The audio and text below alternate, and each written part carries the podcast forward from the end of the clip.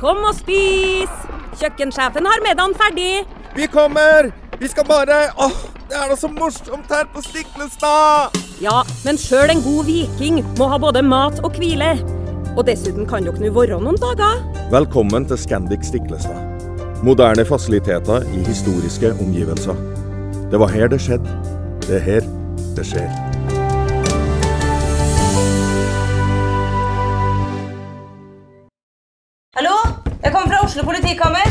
Ine Jansen er purk. Er du purk? The motherfucking bitch. Alt jeg vil, er å finne ut hva som skjedde med mannen min. Jon Carew. Er jeg sikta for noe? Iben Akeli. Det er du. Ole So, Lars Berrum og Big Daddy Karsten. Hvem sin side er du på, egentlig? Anette Hoff, Tone Danielsen, Kommer du fra Afrika? Jørnis Josef, Nesten. Kløfta. Trond Espen Seim, Det er synd å si det, men det var feil mann som døde. Purk. Premiere tirsdag på TV2 Play.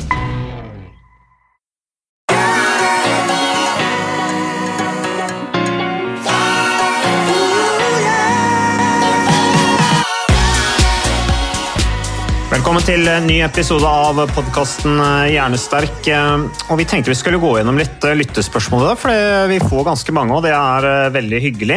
Eh, Ole Petter, først og fremst, eh, Ole Petter er det bra med deg? Du, her går det Jeg skulle si strålende, men det ville jo vært litt løgn. Eh, Jeg syns det er slitsomt med denne covid-pandemien. Nå har jeg akkurat hatt en uke i ventekarantene. Og det er jo litt utfordrende, med enda mer hjemme enn vanlig. Og har hele familien hjemme også, så vi er litt brakkesjuke. Men eh, jeg er ved godt mot allikevel.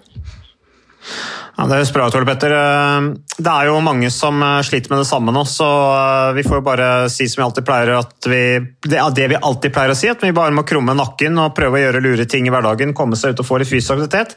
Men vi har et spørsmål her fra ei som eh, sender først en hyggelig liten hilsen. Det er ei som heter Kristin, som sender inn et spørsmål. Takk for interessant og lærerik podkast. Har et tema jeg skulle ønske at dere kunne si noe om, da jeg har tenkt litt på det i det siste. Hvordan påvirker trening kropp og hjerne i forskjellig alder? Hva bør man fokusere på, og eventuelt opp-nedjustere? Trenger vi mer restitusjon når vi er eldre? Er styrketrening mer viktig? Jeg er selv 53 og prøver å få inn én til to styrkeøkter og én til to kondisjonsøkter ved siden av yoga og gåturer per uke. Dette er en veldig aktiv dame, hun Kristin. da. Mitt mål er sterk og sunn helse. Endrer kostholdsanbefalingene seg med alder når man trener? Altså stort tema, smiletegn, men oppsummert kan dere si noe om alder, trening og kosthold, fokusområder, skråstrek endringer i kropp og hjerne med alder. Men kanskje ikke det som fenger ungdom mest, står det her, og, som hun skriver. Hvilke positive effekter har fysisk aktivitet og godt kosthold på ungdom i dagliglivet? Jeg tror vi skal ta det med alder først, Ole Petter. Eh, Det har vi jo snakka litt om i forbindelse med styrketrening, hvor viktig det er. Og Vi har jo også snakka om det at det er på en måte aldri for sent å begynne å trene. eh, Og at eh, litt sånn flåsete, jo lenger du venter, jo bedre blir gevinsten, på en måte, eller jo raskere kommer du i bedre form. Men dette med endringer i hjernen og endringer i behov for restitusjon og sånn, det er vel ganske reelt etter hvert som man blir eldre. Ja, du, altså, Det virker som Kristin her, hun gjør jo veldig mye bra for helsa si. Det første spørsmålet hennes det var jo hvordan påvirker trening kropp og hjerne i forskjellig alder. Og Der tenker jeg at eh, noe av det aller viktigste hvis man skal eh, ha et fokus på å være sunn og ha god helse opp gjennom livet, så er det jo gjerne sånn at eh, jo tidligere man får inn disse gode vanene med bevegelse og et sunt kosthold, jo bedre. Og Der har vi mye data som viser at eh, det er noen en aldersgruppe hvor du er kanskje spesielt eh, hvor hjernen din da, spesielt er tilgjengelig for å lage nye vaner. og Det er egentlig jo tidligere, jo bedre. Så um, Helt fra ung alder så vet vi det at uh, hvis man f.eks. For har foreldre som er fysisk aktive, så er det veldig stor sannsynlighet for at barna blir det også. Og Litt enkelt så kan vi jo si at fysisk aktive barn blir fysisk aktive voksne. Så jeg tenker at den aller mest kritiske perioden, hvis vi ønsker å ha et fokus på dette opp gjennom hele livet, så er det å starte tidlig. Og så vet vi jo også at kanskje spesielt hjernen, men også kroppen vår, den har en sånn eh, en gullalder hvor hjernen utvikler seg, hvor kroppen utvikler seg, koordinasjon, motorikk. Sånn at jeg pleier jo å si at fysisk aktivitet for barn det er jo mye mer enn rekreasjon og bevegelsesglede. Så Det handler rett og slett om å, å, at vi trenger regelmessig bevegelse både for at kroppen og hjernen skal utvikle seg optimalt. Mm. Samtidig Men, ja. uh, Ole Petter, og så er det jo også sånn at Jo mer i bevegelse du er som ung og barn, jo bedre grunnlag får du som du tar med deg opp i voksen alder. så Du kommer jo lettere i form. altså Muskulaturen den glemmer jo ikke. Uh, så det er jo som du sier, motorisk gullalder. Det er jo viktig å utnytte den. Men, men her er det jo ei som sikkert har vært fysisk aktiv som barn og ung også. men uh, men det hun, slik jeg oppfatter spørsmålet, er liksom om hvordan om hun må ta noe hensyn i forhold til det å skulle prioritere regelmessig fysisk aktivitet når man passerer 50. Jeg tror det største problemet for folk flest er jo at de beveger seg lite når de er blitt 50. Men det er jo selvfølgelig sånn at når du kommer opp i den alderskategorien, kanskje 40 og over, så, så trenger vi litt lengre tid på å restituere oss etter en tøff økt. Men samtidig så er kroppen så godt som like respons, altså den responderer like godt på trening. Så ja, jeg sier at det aller beste er selvfølgelig å ha gode vaner fra barndommen av, både når det gjelder fysisk aktivitet og kosthold, men det er jo aldri for sent å begynne å trene. Og man trenger ikke å justere så veldig. Det er ikke noe Du ser jo f.eks. at Helsedirektoratet har jo akkurat samme anbefalinger for unge voksne som de har for eldre når det gjelder fysisk aktivitet. Og Det er 150 minutter i uka med det vi kaller moderat intensitet. Og Det er fordi det har vist seg gjennom forskning at da er du på et sånn helt optimalt nivå da, når det gjelder effekten av bevegelse. Både på hjernen og på kroppen. Men man trenger kanskje å tilpasse bitte lite grann. Trenger litt lengre tid for å restituere seg.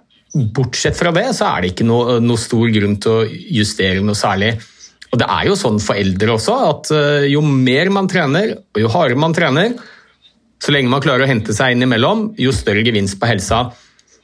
Og akkurat dette med styrketrening Der pleier jo jeg å si at styrketrening er viktig gjennom hele livet. Men den største gevinsten i hverdagen den får man jo hvis man er flink til å trene styrke når man iallfall bikker 40. Og det er jo fordi Fra 40 års alder så taper vi en ganske betydelig muskelmasse hvert eneste år. Og ved å trene et par styrkeøkter i uka hvor du har fokus på de store muskelgruppene, armer og bein, mage, rygg, så ser vi at det er mye lettere å opprettholde hverdagsfunksjon. For det tror jeg mange av oss ikke tenker på. at Mange av de tingene vi tar for gitt i hverdagen, det å kunne gå til butikken, jobbe i hagen, ta en fjelltur, altså det krever ganske mye styrke i de store muskelgruppene. Så den beste gevinsten den får du jo når det gjelder hverdagsfunksjon, den får du kanskje ved å trene styrke. Men jeg pleier jo da, som jeg har sagt flere ganger, sier som Ole Brumm, ja takk, begge deler. Både kondisjonstrening og styrketrening. Kondisjonstrening er kanskje viktigst sånn rent helsemessig. For å orke mer i hverdagen, for å klare å unngå å, å bli syk av livsstilssykdommer. Mens styrketreningen er kanskje aller viktigst for å, å få til alle de tingene vi tidligere i livet har tatt for gitt i hverdagen. Men et poeng som jeg tenkte litt på når du snakket der, relatert til det spørsmålet fra Kristin her, som er en meget bevisst og aktiv dame, helt opplagt, takker veldig for spørsmålet hun sender også, det er jo det at når du blir litt eldre, da, så du, du, går jo på en måte inn i en fase av livet som er litt mindre hektisk, fordi småbarnsfasen er over. Du har kanskje betalt ned en del gjeld. Du har kanskje litt mer kontroll på hverdagen enn det du hadde når du var litt yngre, liksom den tøffeste perioden i livet mange, hvor mange på en måte mister det litt da, og slutter å ta vare på seg sjøl osv. Det er jo den der alderen når man er i småbarnsfasen, gjerne, som vi også har snakket en del om i podkasten her også. Og da på en måte trenger du jo egentlig mindre restitusjon, fordi at totalbelastningen er jo lavere når du blir litt eldre og på en måte får unnagjort en del ting. da. Ja da, så Jeg er veldig påpasselig til å si det. at uh, Det er ikke noe stort problem at eldre trener for hardt og ikke restituerer seg. Den store samfunnsutfordringen i Norge det er jo at folk flest beveger seg mindre jo eldre de blir, og tenker kanskje at det er naturlig. Men der har jeg sagt flere ganger også at det er jo egentlig motsatt. Jo eldre du blir, jo dårligere fysisk form du er i utgangspunktet, jo viktigere er det både for hverdagsfunksjonen din og helsa di å være i aktivitet. Så jeg pleier å si ikke, ikke bruk mye energi på å bekymre deg for at du kanskje ikke trener optimalt, eller at du ikke får nok restitusjon. For den gemene hop av nordmenn så er jo problemet helt motsatt.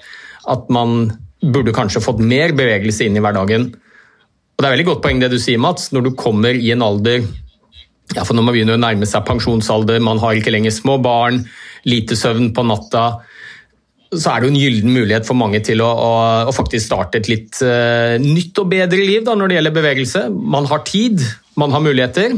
Og de aller fleste nordmenn i dag, når de er 50-60, de er jo friske.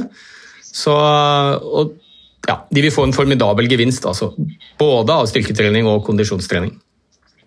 Så det, det du sier, Ole Petter, er egentlig bare kjør på, uansett om du blir eh, eldre?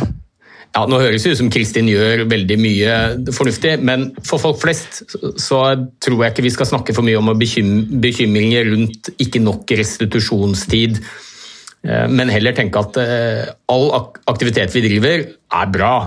Og så er det jo sånn at Jo mer tid du setter av til trening, og faktisk jo hardere du trener innen rimelighetens grenser, jo større helsegevinst gir det. Men sånn for en mann Ole Petter, så er det jo sånn at sant, jo eldre du blir, eh, jo mindre produksjon av testosteron for eksempel, er det naturlig testosteron, er det da, som jo er viktig for energinivå og sånne ting. Men så kan man da si at ja, da trenger kroppen lengre tid til restitusjon, og da orker jeg ikke så mye, for jeg blir slappere. Men fysiske treningen bidrar jo også til å det er mulig jeg tar feil her nå, så du må gjerne rette på meg, men jeg trodde i hvert fall at fysiske treninger også bidrar til å stimulere i hvert fall noe produksjon av testosteron. Er det, er det riktig eller helt feil? Neida, det er riktig det. Vi trenger jo testosteron til veldig mye. Bl.a. å vedlikeholde muskulatur og skjeletthelse, og det er viktig for seksualdrift og potens og alt dette her. Og um, trening vil uh, bidra til å både opprettholde et jevnt testosteronnivå gjennom livet når vi blir eldre, og, um, og faktisk kan være med på å øke det litt også. Men de aller fleste menn altså, de har relativt uh, tilstrekkelig med testosteron gjennom livet. Så, så det, er noe, det, er ikke noe, stort folkehelseproblem det heller, at testosteronnivået synker for mye.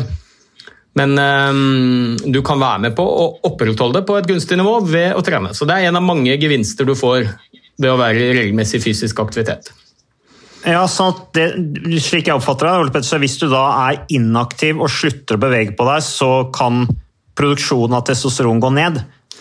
Ja, men jeg tenker vel kanskje ikke at det er det viktigste argumentet. Fordi de aller fleste menn har ganske stabil eh, testosteronnivå gjennom hele livet. Eh, relativt uavhengig av hvor mye du trener. Men det kan være med på å forhindre hos enkelte at det synker noe. Så ja, trening er med på å øke testosteronnivået, men det er ikke noe stort folkehelseproblem, det altså. Nei, men uh, Ole Petter, jeg tenker at vi takker for uh, spørsmålet fra Kristin. Og så kan vi jo Du, forresten, det er en ting jeg vil si til deg, Ole Petter, som jeg hadde en veldig god opplevelse her når vi er inne på dette med pandemien. Bare sånn uh, helt Det var ikke planlagt at jeg skulle ta dette med deg nå, men vi, datteren min Natalia hun går jo i femte klasse, og på torsdag hadde, måtte hun ha hjemmeskole pga. Av, av pandemien. Og så hadde hun Hun har jo alltid da et, et punkt på Eh, timeplanen som heter Fysisk. Eh, og Da satt jo jeg og jobba, og hun satt og holdt på med, med, lekser og skole. og sånne ting. Og så, jeg, og så spurte jeg hva er på planen nå, ja, nå skal hun ha fysisk. Og så kom hun seg på en måte ikke noe ut, ut da. så sa jeg vet du hva, Natalia, da, tar vi, da er pappa din eh, nå da kroppsøvingslærer, og så tar jeg deg med ut på joggetur. Og Da fikk jo jeg jogga, og hun fikk da gjennomført denne fysiske delen på skolen. Og så hadde vi en veldig fin tur ut sammen. Det er noe jeg vil anbefale lytterne. Altså, ta med deg barnet ut på, på, joggetur, litt avhengig av hvor gamle de er, selvfølgelig, men det, det var helt flott. Altså, da hadde jeg mye mer energi etterpå når jeg skulle inn i tre-fire sånne Teams-møter, så det, det, var flott, altså. Har du noen sånne hjemmekontoropplevelser om dagen, eller? Jeg vet at du sitter og jobber ganske intenst nå? Ja da, du, Mye av det samme. Jeg har også barn som er på hjemmeskole. En fordi de er i et alderstrinn hvor det er pålagt med hjemmeskole. Og så har vi jo hatt sånn ventekarantene her en ukes tid. Så min eh, midterste sønn på ni har også hatt, eh, vært hjemme. da.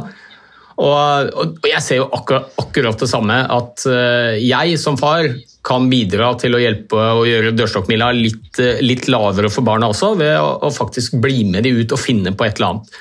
Det kan være en sykkeltur. I går hadde vi en lang sykkeltur Og selvfølgelig så sier jo ikke jeg at nå skal vi ut og sykle en treningstur, men vi hadde et mål da. Vi skulle til en, eh, en strand fem kilometer unna der vi bor, og så skulle vi fiske litt krabber. og, og da får jeg den jo med ut med en gang. Og jeg tenker Dette er jo en vinn-vinn.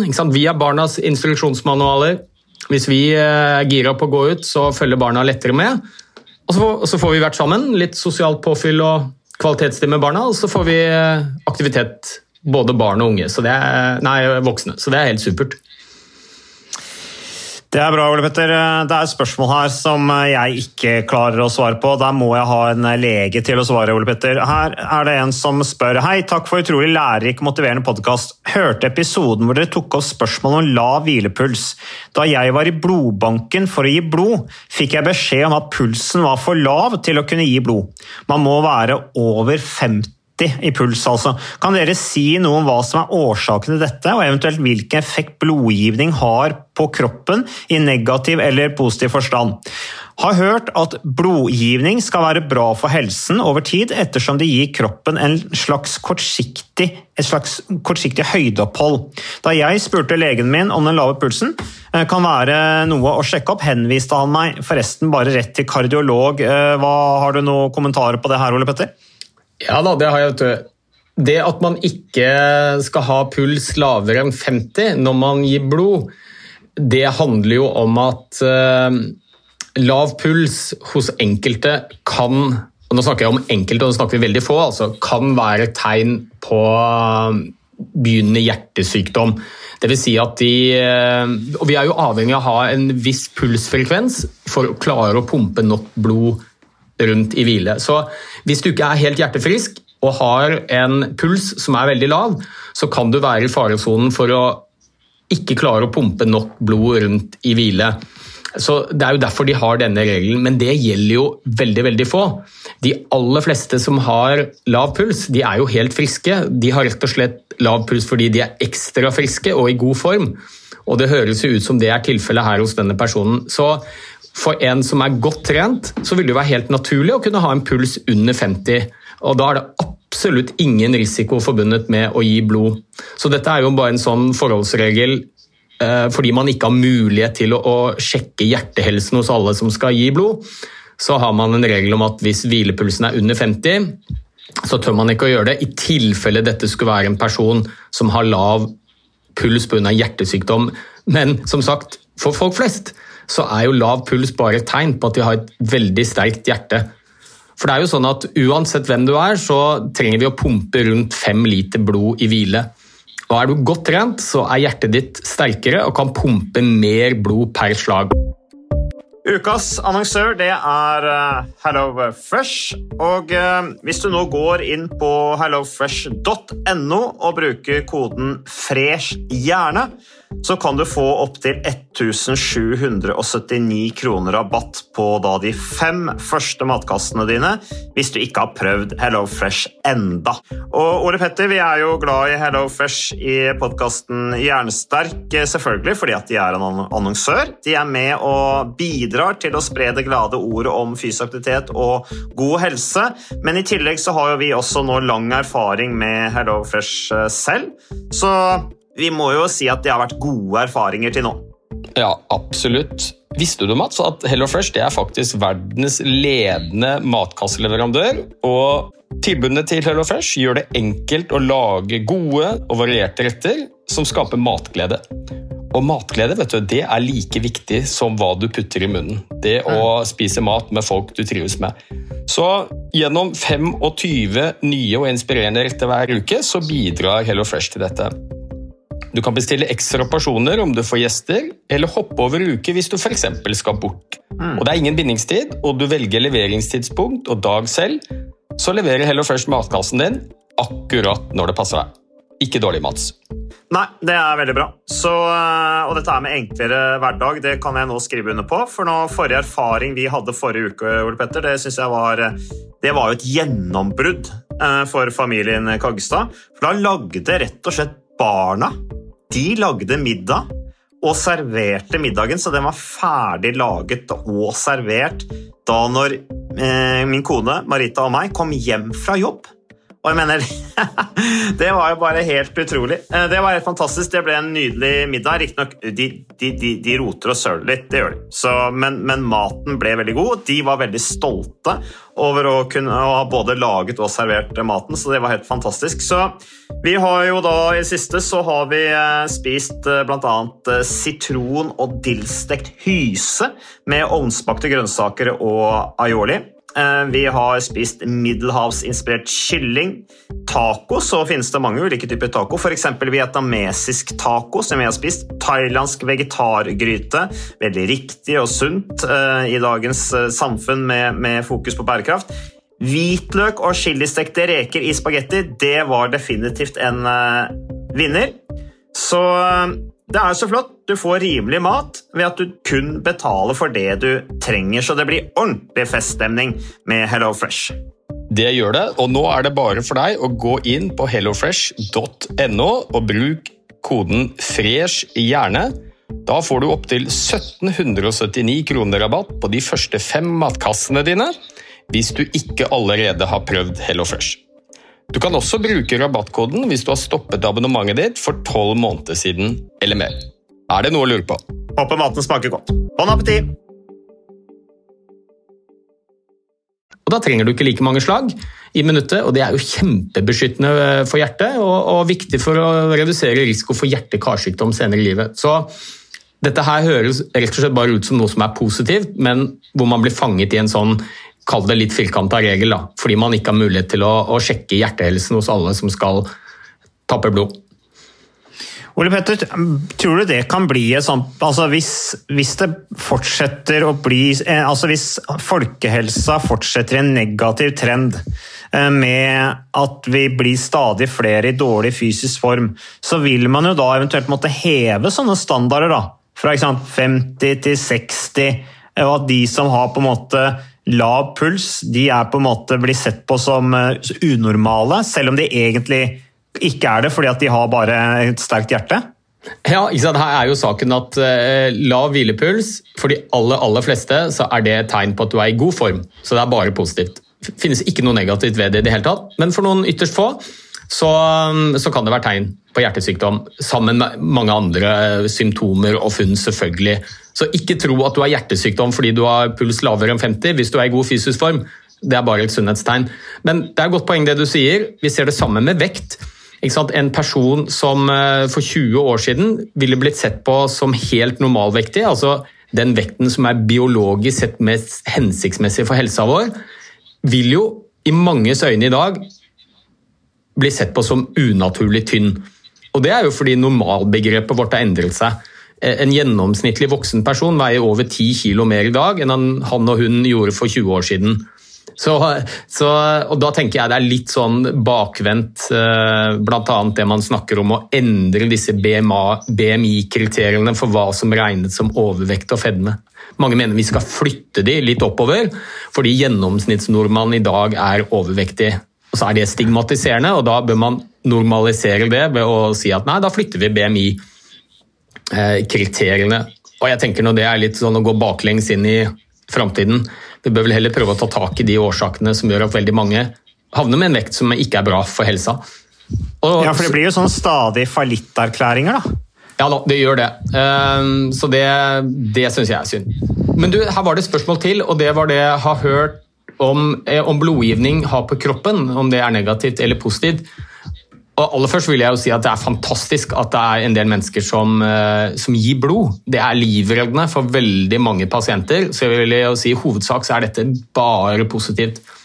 Og er du frisk, så vil ikke det å, å gi blod eh, ha noen negativ effekt utover det. At du vil ha en periode etter blodgivningen hvor du av helt åpenbare grunner har litt nedsatt fysisk yteevne. Fordi du har tappet kanskje opptil en halv liter blod bort. Kroppen din erstatter det i løpet av noen uker. Men mens beinmargen din pøser ut nye røde blodceller, så vil du selvfølgelig oppleve at du ikke orker like mye. Kanskje hverdagen eller treningsturene blir litt tøffere, men det kompenserer kroppen for ganske greit i løpet av noen uker. Så det er absolutt ikke noe farlig så lenge du er frisk i utgangspunktet. Men det er jo det, greit. Ja, og så, hun, så, så, spør hun om det, om det gir en slags kortsiktig høydeopphold. Eh, nei, det gjør jo ikke det, med mindre du tar og tapper ut blod og legger det i en pose i kjøleskapet, sånn som Lance Armstrong gjorde, og så putter det inn igjen eh, noen måneder etterpå. Eh, da får du en bloddopingseffekt. Men det vil ikke helt være det samme som et høydeopphold. Fordi saken ved høydeopphold det er jo at når du reiser opp i høyden, så er det mindre oksygen i luften du puster inn. Sånn at det stimulerer beinmargen din til å lage ekstra røde blodceller. Så du ender altså opp med flere røde blodceller enn det du hadde i utgangspunktet. Det gjør du selvfølgelig ikke når du tapper blod. Da tapper du ut en halvliter, og så lager kroppen igjen en halvliter. Så du ender ikke opp noe høyere enn der du var. Nei, så Det vil jo ha en periode som du sier der også, hvor du, hvor, du, føler litt nedsatt form. da. Altså, du, du, du, vil jo ha en lavere blodprosent. Hvor lenge har du en lavere blodprosent? Har du noe annet som det? Nei, det er, det er, ikke helt mitt sånn spisskompetanseområde, så jeg kan ikke gi noe nøyaktig svar, men vi snakker nok om en tre-fire uker, kanskje. eh, før du er tilbake igjen der du var. Og så har jeg lyst til å si én ting på slutten her. Da. Uh, da jeg spurte legen min om den lave pulsen, om det kan være noe å sjekke, så henviste han meg forresten til en kardiolog. Og da vil jeg si til de som lytter, for jeg har vel litt inntrykk av at de fleste som lytter til podkasten vår, de er ganske glad i å bevege seg. Ikke gå til legen din fordi du har lav hvilepuls hvis du føler deg helt frisk ellers. Det er sannsynligvis fordi du er i god form, og da er det utelukkende positivt å ha lav puls. Hvis du selvfølgelig har unaturlig eh, hvilepuls, altså mye lavere enn det du har hatt før, eller du føler deg svimmel, har hjertebank, så er det en helt annen sak. Men føler du deg frisk, er glad i å trene, så ta det som en belønning at du har lav hvilepuls. Det beskytter hjertet ditt resten av livet. Mm, ja, nei, jeg husker det var kjempeprestisje i gamle dager når jeg var uh, sykkelproff og hvem som hadde lavest hvilepuls. Det var liksom sånn tegn på form, og hvor fort pulsen sank etter belastning. Det var sånn tegn på, på form. Det var liksom test på hvor godt vi restituerte oss etter innsats, som jo er et sånt form, formparameter. Men uh, Ole Petter, et siste spørsmål som også er litt interessant, da, for og noe som vi også har snakket om. Vi hadde jo en egen podkast som het 'For sliten til å trene'. og Her er det et spørsmål som er, handler om det. Hei, takk for inspirerende og nyttig podkast. Eh, eh, dette er en av mine favoritter, anbefaler den videre til andre osv. Eh, jeg er fysioterapeut og jobber mye med forebygging ut mot bedrifter og arbeidsplasser. Ergonomisk kartlegging og risikovurdering knyttet til muskel- og skjelettplager gjør jeg mye etterfulgt av opplæring av de ansatte. Her møter jeg alle typer yrker. Kjempebra arbeid, det. Eh, mine råd og anbefalinger handler mye om fysisk aktivitet og hva man kan gjøre selv for å forebygge plager. En problemstilling som jeg ofte møter, er ansatte som har en fysisk krevende jobb. Hva, hva bør de gjøre av fysisk aktivitet utenom jobb? Spørsmålstegn. Jeg kan godt forstå, hun fortsetter her, jeg kan godt forstå at man er sliten etter en tung dag på jobb og kanskje ikke orker å gjøre noe mer fysisk. Hvilke råd vil dere gi? Hva med restitusjon? Han kommer tilbake til det. Er, det. er det kanskje viktig å la kroppen få ro og restituere seg etter en tung dag på jobb? Håper dere kan ta opp dette temaet, da jeg ofte får spørsmål om nettopp dette. Det hadde vært veldig nyttig å få litt konkrete tips hva dere tenker om temaet. Hilsen dette er også Kristine. Kristine Hole, som er fysioterapeut, fan og aktiv lytter av podkasten Hjernesterk. Her var det en del på med en gang, men det som er kjernen i spørsmålet, sånn som jeg oppfatter det, er de som har et fysisk krevende yrke, og dette har vi snakket om tidligere, eh, de har kanskje eh, ikke den, det energinivået etter trening til å da gjøre noe ekstra utover det, og så, si, og så, ser de på sitt yrke som såpass fysisk krevende at de tenker at det er tilstrekkelig. Det har vi jo snakket om før, men det er det jo ikke nødvendigvis en sunn holdning, da til dette med, med mosjon og fysisk aktivitet, eller kall det hva du vil, men du vil allikevel ha godt av noe fysisk aktivitet utenom selve arbeidsbelastningen, er vel det vi er ganske enige om, Ole Petter? Ja, jeg pleier faktisk å si til mine pasienter som ofte er da i håndverkerkategorien f.eks., som kan være rørleggere, snekkere, elektrikere, som jobber fysisk hele dagen. Uh, og, og, som ofte sier til meg akkurat det samme som Kristine erfarer da. vet du hva, Jeg har jo en fysisk aktiv jobb, jeg er sliten jeg kommer hjem fra jobb, uh, og jeg syns det er vanskelig å ha energi til å få trent. Og da pleier jeg, og jeg må bare si det at jeg har jo full forståelse for at det er sånn, men jeg tror kanskje man kan snu på problemstillingen og, og, og si at for de som har fysisk aktive jobber, hvor mye av arbeidshverdagen går med til å gjøre monotone bevegelser med muskel-skjelettapparatet, om du er snekker, rørlegger, elektriker for da, så er det mye av de samme tingene. Det blir en veldig stor belastning, f.eks. på skuldre, på knær. Eh, og da pleier jeg å si at For deg som har den typen jobb, hvor du gjør de samme tingene og belaster muskel-skjelettsystemet ganske ensidig, så er det ekstra viktig å få trent for å unngå belastningsskade på jobben. Og kanskje det aller viktigste, som jeg har masse praktisk erfaring med, eh, det er jo at hvis du er flink til å trene regelmessig, litt kondisjon, litt styrke, så vil du takle og tåle den fysisk aktive jobben mye bedre. Og det er mye lavere sannsynlighet for at du får belastningsskader, og i tillegg at du har mer energi til å orke å komme deg gjennom arbeidsdagen. Så her vil jeg nesten snudd litt på det og si at uh, for de som har fysisk aktive jobber, hvor det er mye av de samme bevegelsene time inn og time ut, så er det ekstra viktig å passe på å få trent regelmessig. Igjen, da for å unngå skader og for å orke mer i hverdagen. Ja, altså Vi har fått uh, flere uh, spørsmål eller flere innspill fra lyttere som er, jobber i håndverksyrker, som sier at etter at de begynte å trene, så har de fått mer energi. De er mindre slitne etter jobb. Og så er det dette her du har snakket om, Ole Petter, dette som skjer med hjernen når man er fysisk aktiv. Gjennomskyllingen som kommer av økt blodsirkulasjon, økt oksygen eh, til, til, til, hjernen, det, det, er jo også viktig i forhold til muskulaturen. Denne gjennomskyllingen av, eh, som, som, fører med økt blodsirkulasjon, som jo transporterer tretthetsstoffer ut av muskulaturen, som gjerne hoper seg opp i nakke, skuldre, eh, hvor det måtte være ledd. Da, eh, som da den fysiske aktiviteten er med på å transportere vekk, sånn at du forebygger slitasjeskader. Det er jo også, men, men, intensiteten må gjerne holdes nede, og så trenger man jo ikke å trene så innmari mye. Det har sagt.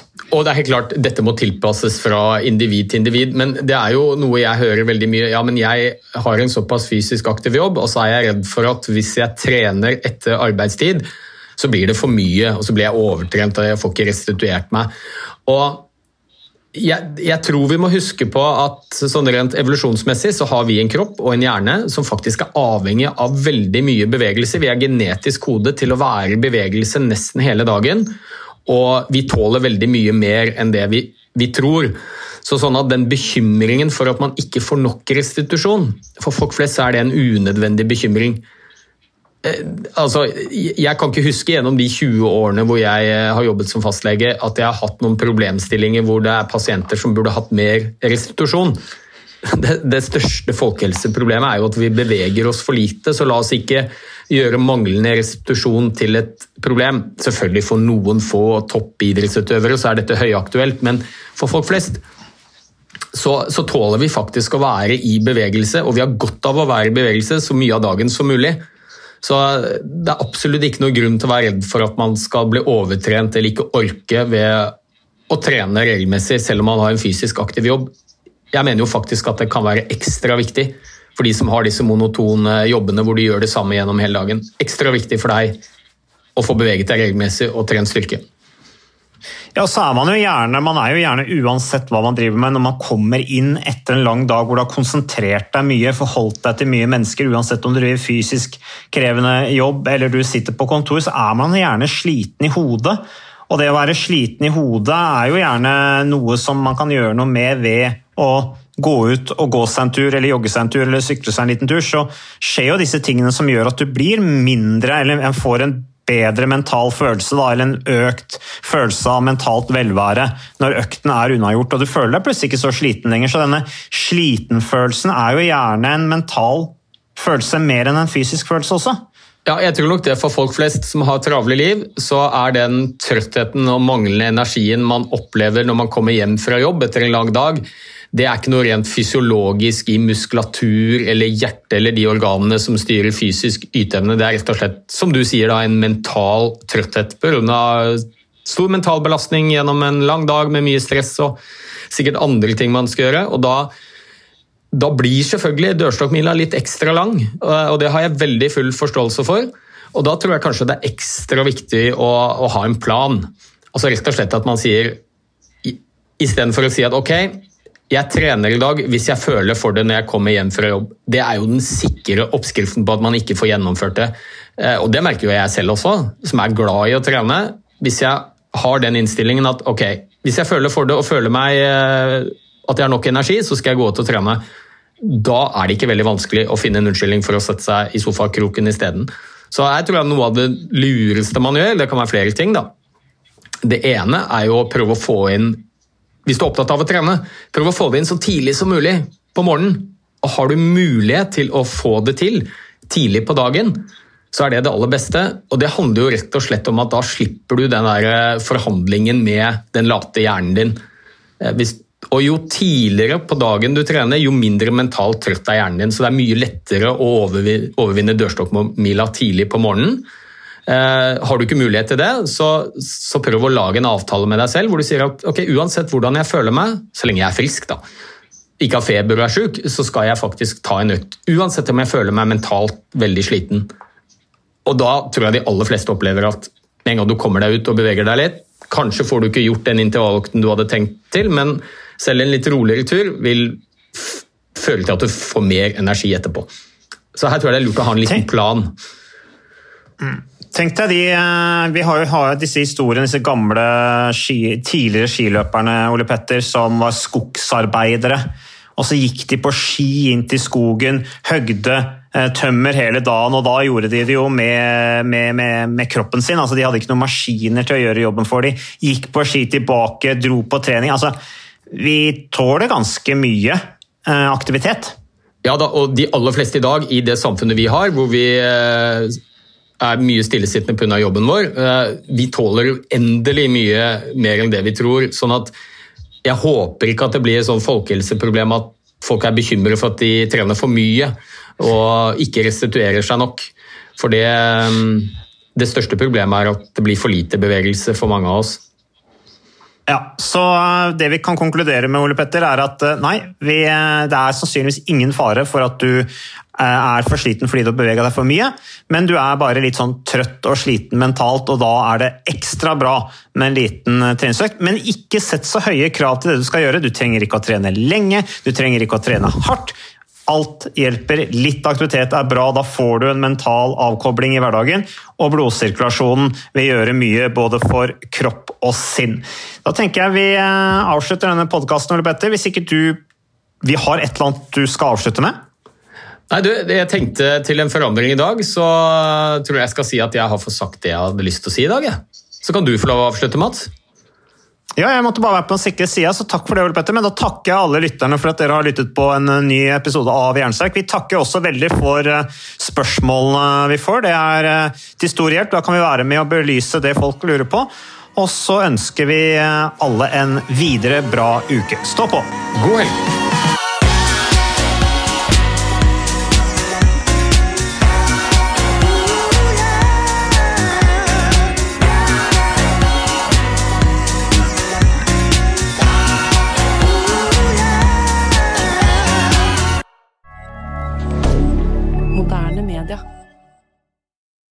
Har du et enkeltpersonforetak eller en liten bedrift? Da er du sikkert lei av å høre meg snakke om hvor enkelt det er med kvitteringer og bilag i fiken, så vi eh, gir oss her, vi. Fordi vi liker enkelt. Fiken superenkelt regnskap.